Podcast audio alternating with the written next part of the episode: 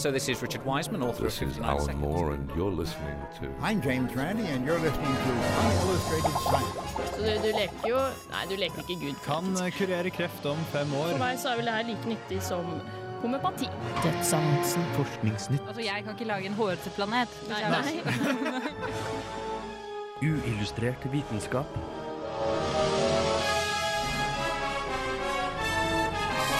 Science, it works, bitches. I dagens sending av Uillustrert vitenskap vil du få høre om kuldedøden, intellektuelle konservative kristne og deres herlige meninger, hvorfor pi ikke burde være tilnærmet til 3,2, og eksploderende hvalkadaver.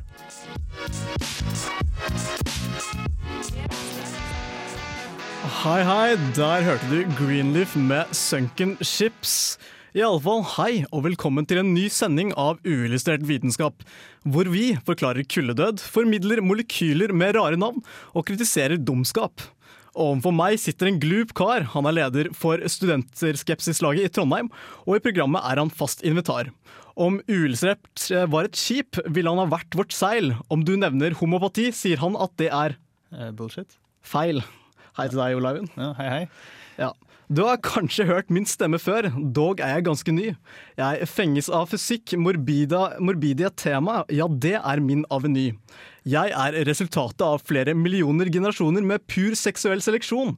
Sønn i islam er mitt navn, og maskiningeniør er min profesjon. Hei til meg. Ja, hallo, hallo. Eh, I likhet med programmet til Lars Monsen, Ingen menser, hvor Lars Monsen drar på tur uten kvinnfolk, er vi også helt frie for jenter i studio. Uh, Vi bør kanskje si noe om uh, denne jenta. For vi har et lite vakkert kjønnsalibi her til vanlig. Hun er ikke død! Jeanette Bø heter hun. Hun fortjener ingen rim. Ja. Jo, Nei, sorry. fortjener rim, da. Hun er på studietur, da. Det kan vi jo opplyse lytterne om. Ja, hun, hun, hun eh, kommer tilbake eh, to uker etter påske. Ja, hun skal redde verden, og da starter hun da med Singapore. Så det, det her tar rundt om en tre uker. Så jeg håper det går bra. Ja. Men uh, vi klarer jo så fint her i Uillustrert vitenskap. Vi har jo masse på tapet i dag. Hva er det du har tenkt å snakke om, Ole Eivind Sigrud? Nei, Nå som Jeanette ikke er her, så får jeg vel eh, ta for meg forskningsnyheter. Og for en uke det har vært Ja, når det gjelder forskningsnyheter. Så uh, det blir mer enn bare de vanlige tre. Jeg har hele fem forskningsnyheter Fymf, som jeg har lyst til herregud. å presentere for dere i dag. Jeg hører rykter om en iktiosaur. Ja, det er en iktiosaur som kanskje har eksplodert. Det er i hvert fall det man har trodd veldig lenge. Eh, merkelig nok. Kanskje det er en myte. Eh, og så er det ny eh, sånn hominid-art eh, som har blitt funnet, og det er en del fiffige løsninger, teknologiske løsninger som kan hjelpe miljøet. Kult. Nei, jeg, jeg er jo veldig glad i matematikk, og har derfor tenkt å ta for meg dette fantastiske matematiske konstanten pi. I tillegg til dette så har jeg en kunnskapsbasert gjettekonkurranse. Uansett, Ole Eivind, du er jo en lur rev, men fra en rev til en annen. Her får du høre Susann Sundfør med White Foxes.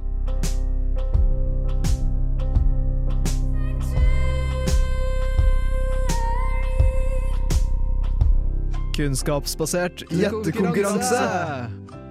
Før i tiden var dette stoffet så verdifullt at det var forbeholdt overglassen. Det absorberer lyd og er brannsikkert. I tillegg til dette er stoffet farlig for mennesker. Tross det her ble den første filtersigaretten på verdensmarkedet, Kent, laget med et filter av stoffet. Trenger du flere hint? Hva med en liten historie?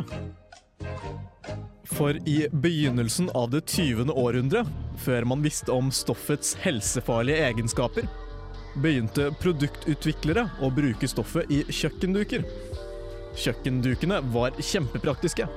Om duken ble skitnet til med flekker og annet grums, var det bare å sette fyr på den.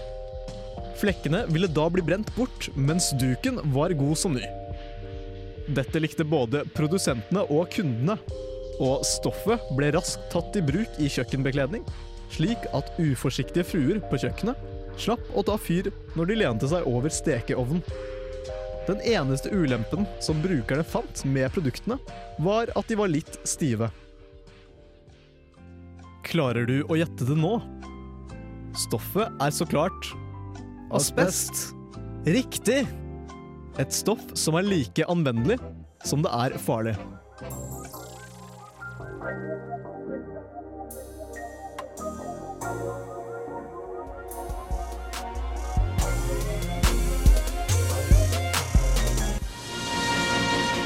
Uillustrert vitenskap presenterer Forskningsnytt.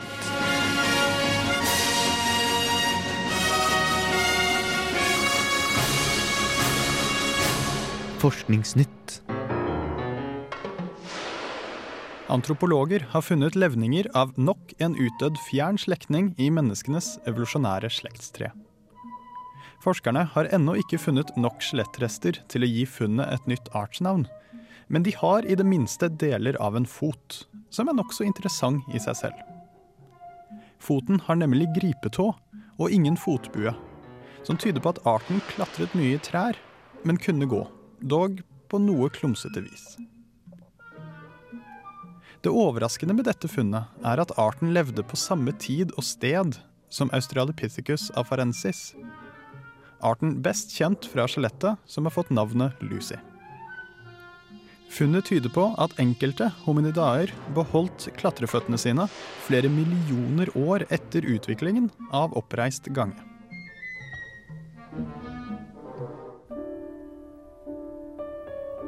Den gravide iktiosaurfossilen fra Holsmaden i Tyskland har lenge vært tema for diskusjoner blant paleontologer.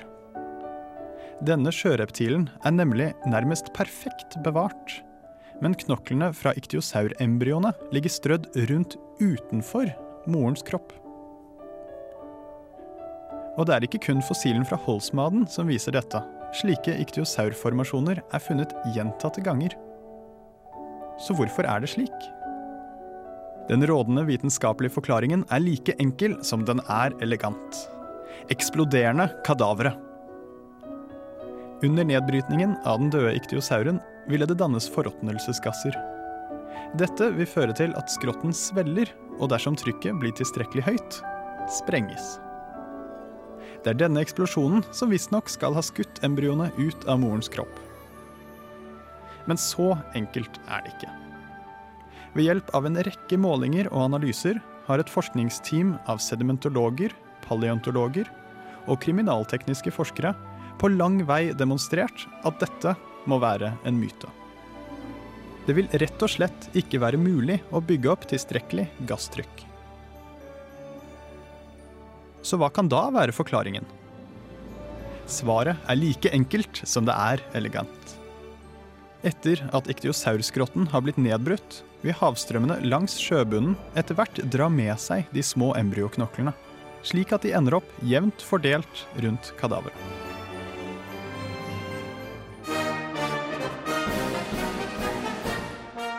Mange har lagt merke til at det står dårlig til med amerikanernes tiltro til vitenskap. En ny studie både bekrefter og nyanserer dette inntrykket. Studien tok for seg data fra 1974 til 2010, og kom frem til at folks tillit til vitenskap har holdt seg stabilt i denne perioden for personer som omtaler seg som moderate eller liberale. Blant selverklærte konservative derimot har tilliten falt med mer enn 25% den samme perioden. Vitenskap. Radio Revolt. This is Charles L. Bennett from Johns Hopkins University. Science, it works, bitches. Ja, du hører fortsatt på uillustrert vitenskap, og det du nettopp hørte, var Forskningsnytt i regi av Oleiven Sigrud. Og Ole Eivind, du nevnte jo denne foten, og den, ble, den, ble fant, den, ble, funnet da i samme område som Lucy, uh, In the Sky with Diamonds. Men hvor egentlig ble disse to funnet?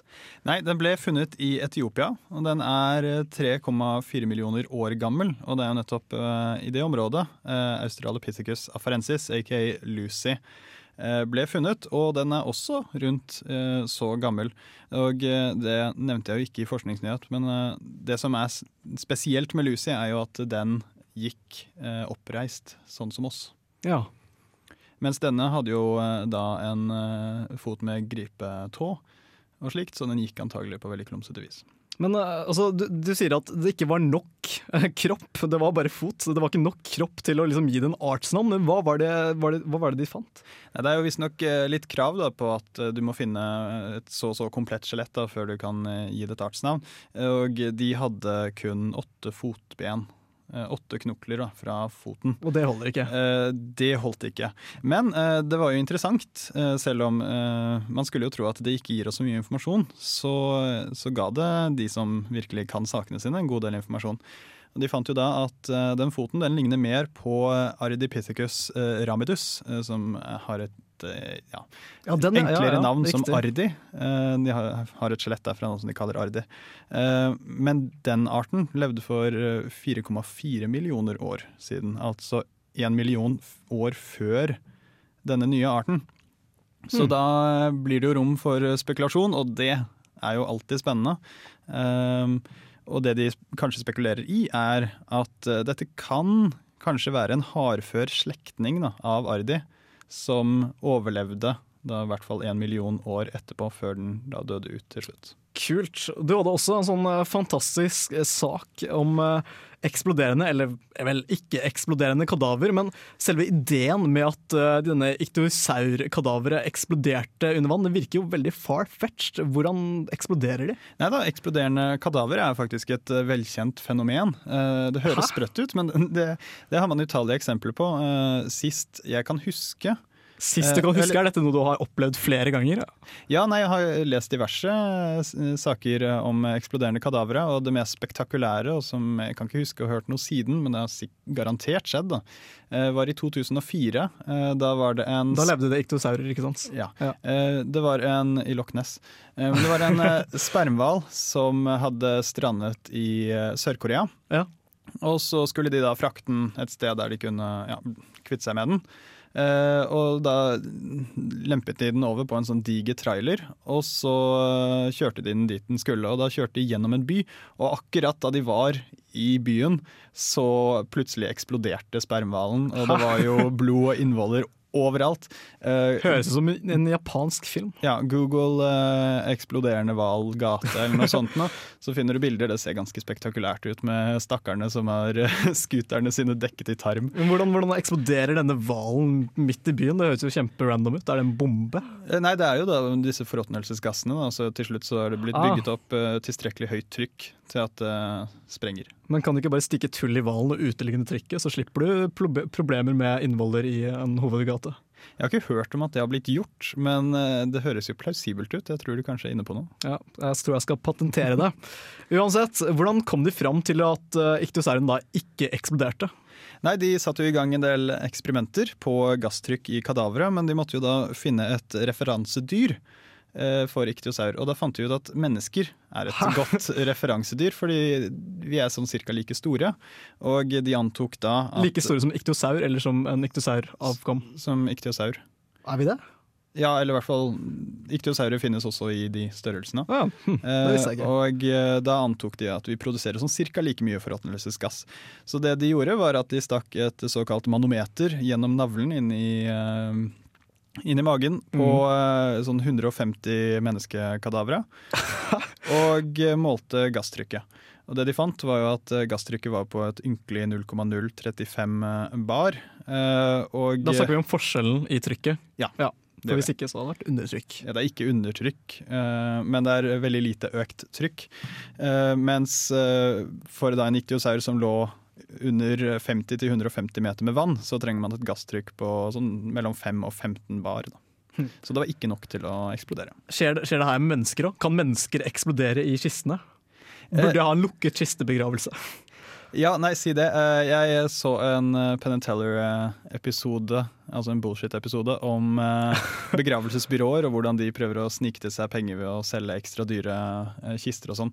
Mm. Og da intervjuet de en eh, prest som var en sånn sterk kritiker av, eh, av den bransjen. Og han nevnte at når du har en sånn ekstra forseglet eh, kiste, så eh, til slutt så har bakteriene som eh, driver forråtnelsesprosessen, og de, de har da brukt opp all oksygenen, og så foregår, foregår det anaropt, og så til slutt så skulle det jo skje at da kisten blir sprengt opp, og du på en måte sånn flytende lik eh, heller ut. Men altså, Penn Teller bullshit, jeg vil ikke nødvendigvis si at det er den mest objektive eh, kilden, så, eh, så jeg vet faktisk ikke helt om det skjer, men det kan jo godt hende.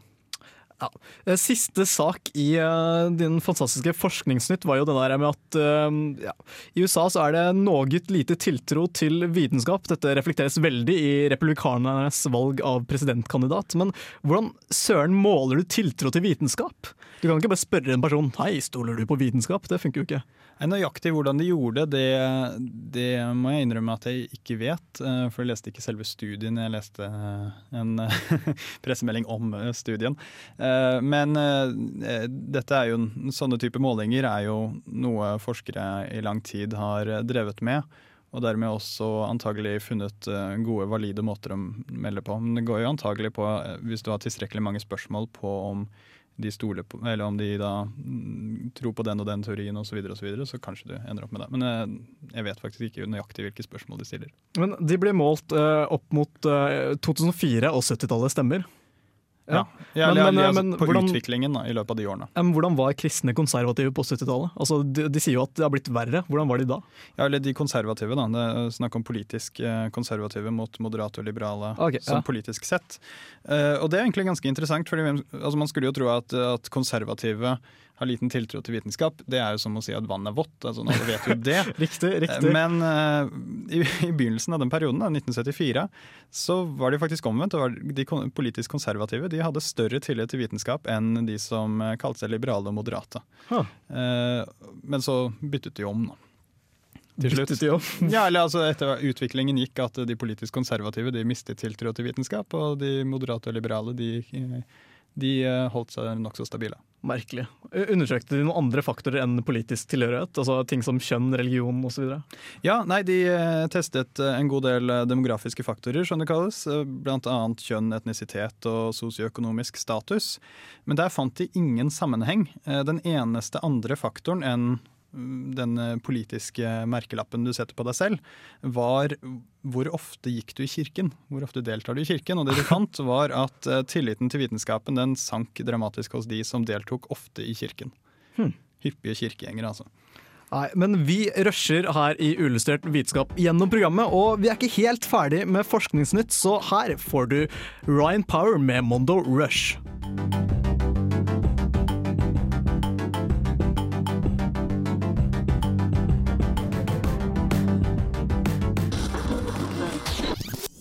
Der hørte du Ryan Power med Mondo Rush, Radio Revolts kanskje muntreste låt. Men vi, Ole Eivind Sigrud, vi er jo ikke ferdig med Forskningsnytt enda. Jeg har to nyheter til, jeg. Ja, du har to nyheter. Jeg har hørt at det var noe genteknologisk involvert. Du snakka veldig høyt om denne genmodifiserte hveten.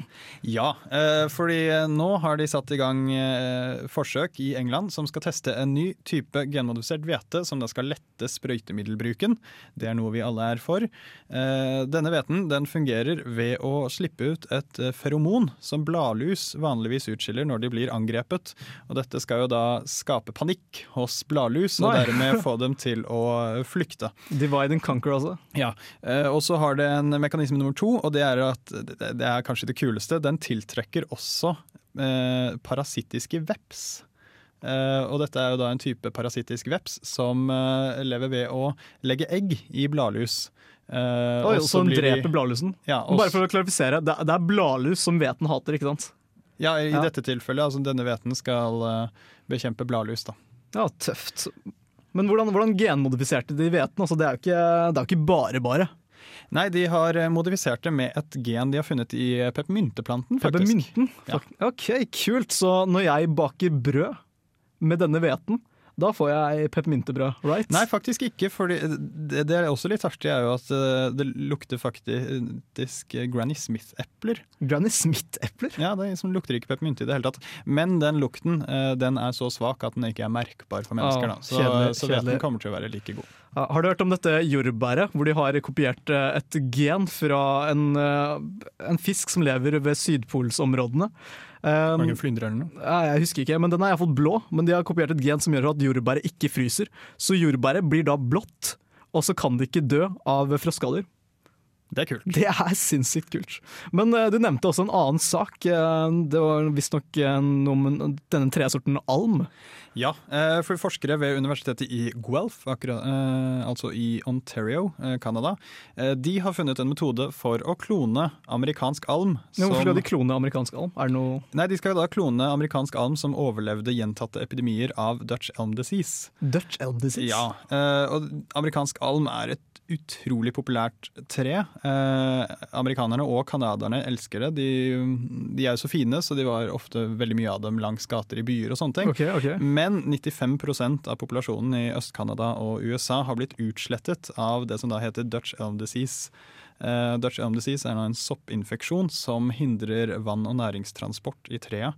Og det anslås at kun ett av 100 000 trær av de som eksisterer nå, er resistente da, mot Dutch elm disease. Så Så da, hvis du kloner et av de som er resistente, så kan du gjeninnføre det, og så vil de være mye mer eh, ja, hardbarka. er det ikke vanskelig å klone i så stort opplag, for du skal jo ha ganske mange frø, eller? Det kan jo godt hende, men eh, du kan jo bruke den tiden du trenger, egentlig. Eh, Men jeg hadde ikke inntrykk av at det skulle være så stort problem akkurat det. Men hva, hva, er, Dutch eh, eller nederlandsk almesykdom? Eh, Ja, nei, hvorfor den er Dutch, eh, eh, det vet jeg faktisk ikke helt. Om den kanskje kom fra Nederland. Høres veldig funky ut. Eller eventuelt at den dukket opp i Philadelphia eller noe sånt. Nå. Men nei, det vet jeg ikke. Men det er en soppinfeksjon, i hvert fall. Ja. Så kan, må jeg si at jeg syns det er utrolig flott med planter. At du kan avle dem sånn i fangenskap.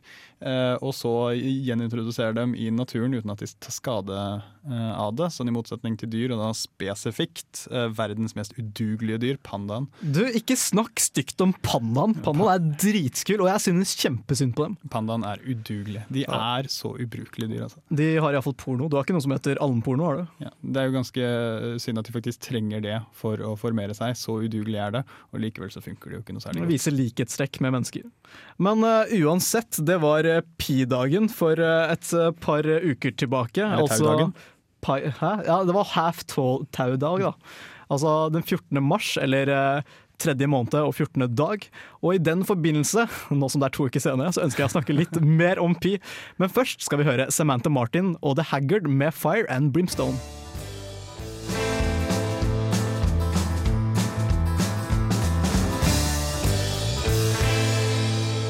Ah.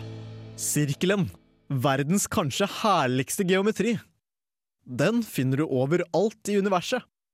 Stjerner, planeter, ja til og med såpebobler har et sirkeltverrsnitt. For det blotte øyet ser kanskje sirkelen ut som en perfekt form. Men, som du kanskje visste, er forholdet mellom omkretsen og diameteren til en sirkel konstanten.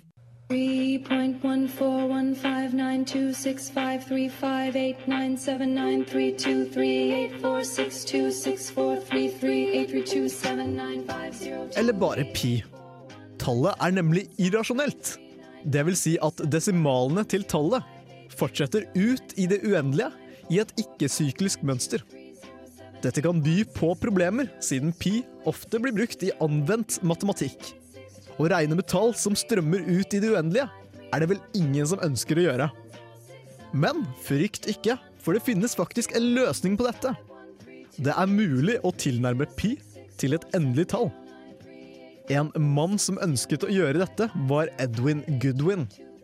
En lege og en amatørmatematiker fra Indiana.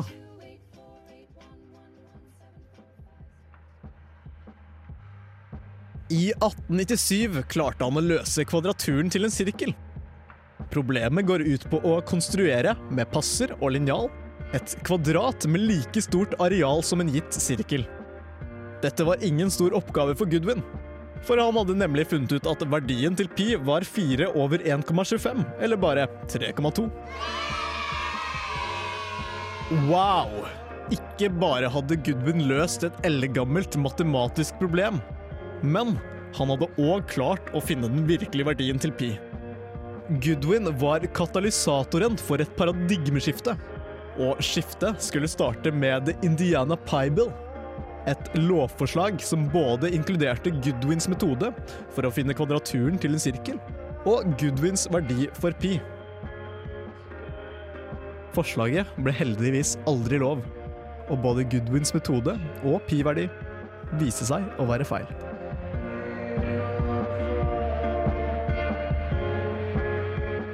Radio Revolt. Ja, det var litt om Indiana Pie-Bill. Du Ole Eivind, du satt jo og syntes at det her var kjempemerkelig. Hva er det du stussa over, egentlig? Ja, eh, pi er da sannelig nærmere 3,1 enn 3,2. Altså de har rundet av feil. Ikke si det til Gudrun, men, eh, men ja, Duster er det. det er ganske, ganske så feil.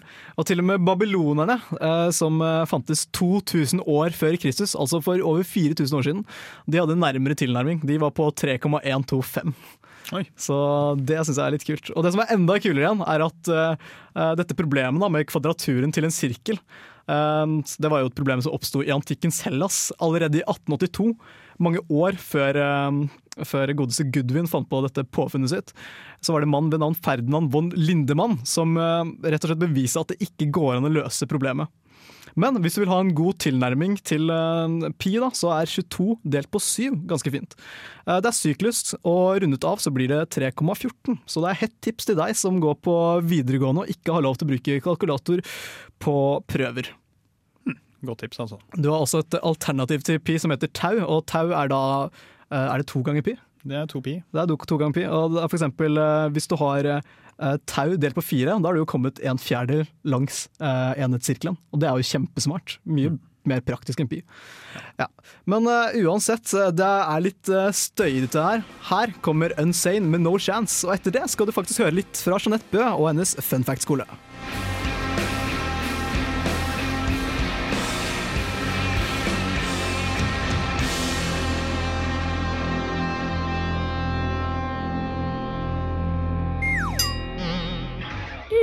Uillustrert vitenskaps-funfact-skole. Vær midtpunktet på neste vorspiel.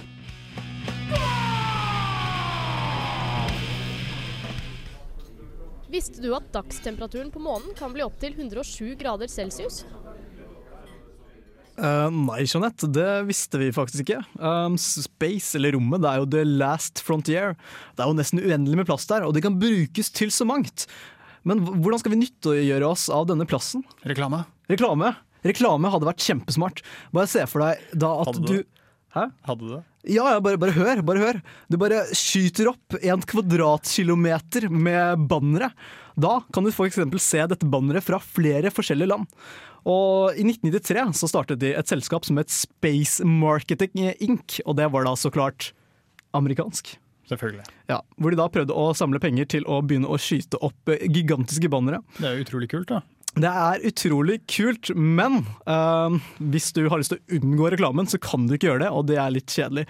Samtidig som det så forhindrer det også astronomisk forskning, fordi Det det rett og slett blokkerer stjerner osv.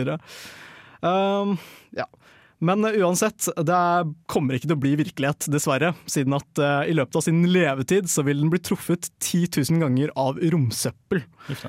Og hva er det romsøppel? Det er jo fryktelig mye søppel her oppe. da. Ja, men hva, hva er romsøppel? Det er jo rester fra alt det vi har sendt opp, og gamle satellitter og slikt, er det ikke det? Jo, og i filmen Wall-E, eller dokumentaren Wall-E, så husker du kanskje at uh, dette romskipet stiger opp fra jorda og treffer masse romsøppel, men dette her er ikke noen realitet, for det som skjer er at de fleste eh, satellittene våre, da, når de dør, så havner de i ustabile baner, og til slutt så vil de da falle og lande på jorda som stjerneskudd. Men uansett, vi i Uillustrert vitenskap vi løper rett og slett videre. Og nå skal vi gjøre litt lett elektronika. Dette her er Jesse Wares med 'Running'.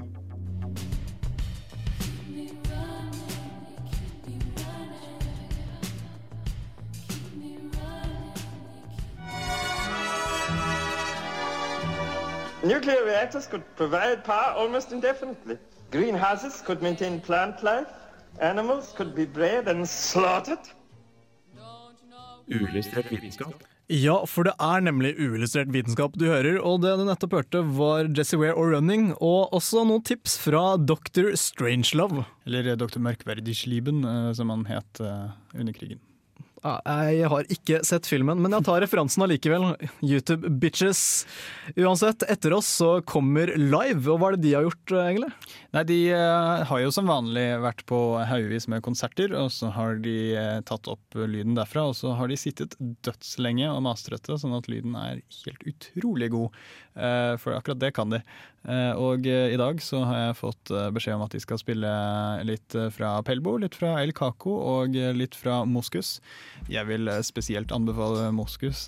Flott, flott fin jazz, som også mottok en eller annen fin pris i fjor, hvis jeg husker rett. Kult. Så da kan du enten høre på live, eller så kan du laste ned en gammel podkast av uillustrert vitenskap og høre på det istedenfor, for det er jo mye bedre. Ja, det er jo det. Er jo det. Vi er også å finne på en eh, stream on demand på Radio Revolt sine hjemmesider. Og I tillegg til det så har vi en fantastisk Twitter-konto hvor vi liker veldig godt at dere følger oss og kommenterer. Vi er veldig glad i kommentarer. Og Hvis folk eh, har lyst til å sende inn en eller annen beskjed eller et spørsmål eller en kommentar til oss, så har vi vel en mailadresse også? Ja. UV, eller Ulvit. at Ja, eh, UV at radiorevolt.no. Så enkelt, altså. Ja, Men uansett, du tror kanskje at vi forsvinner i påska, men det gjør vi ikke. I likhet med Jesus så kommer også vi tilbake. Det du hører nå, det er Advance Base med Summer Music.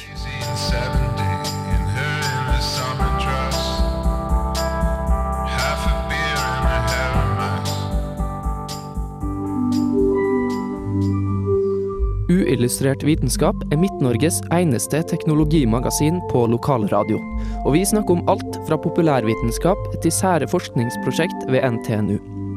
Radio Revolt, studentradioen i Trondheim, er stolt av å kunne presentere podkaster fra de aller mest populære programmene våre. Hvis du har lyst til å høre mer fra Radio Revolt, hvem vi er og hva slags musikk vi spiller, så kan du høre oss på FM-båndet i Trondheimsregionen, eller streame sendingene våre live på radiorevolt.no.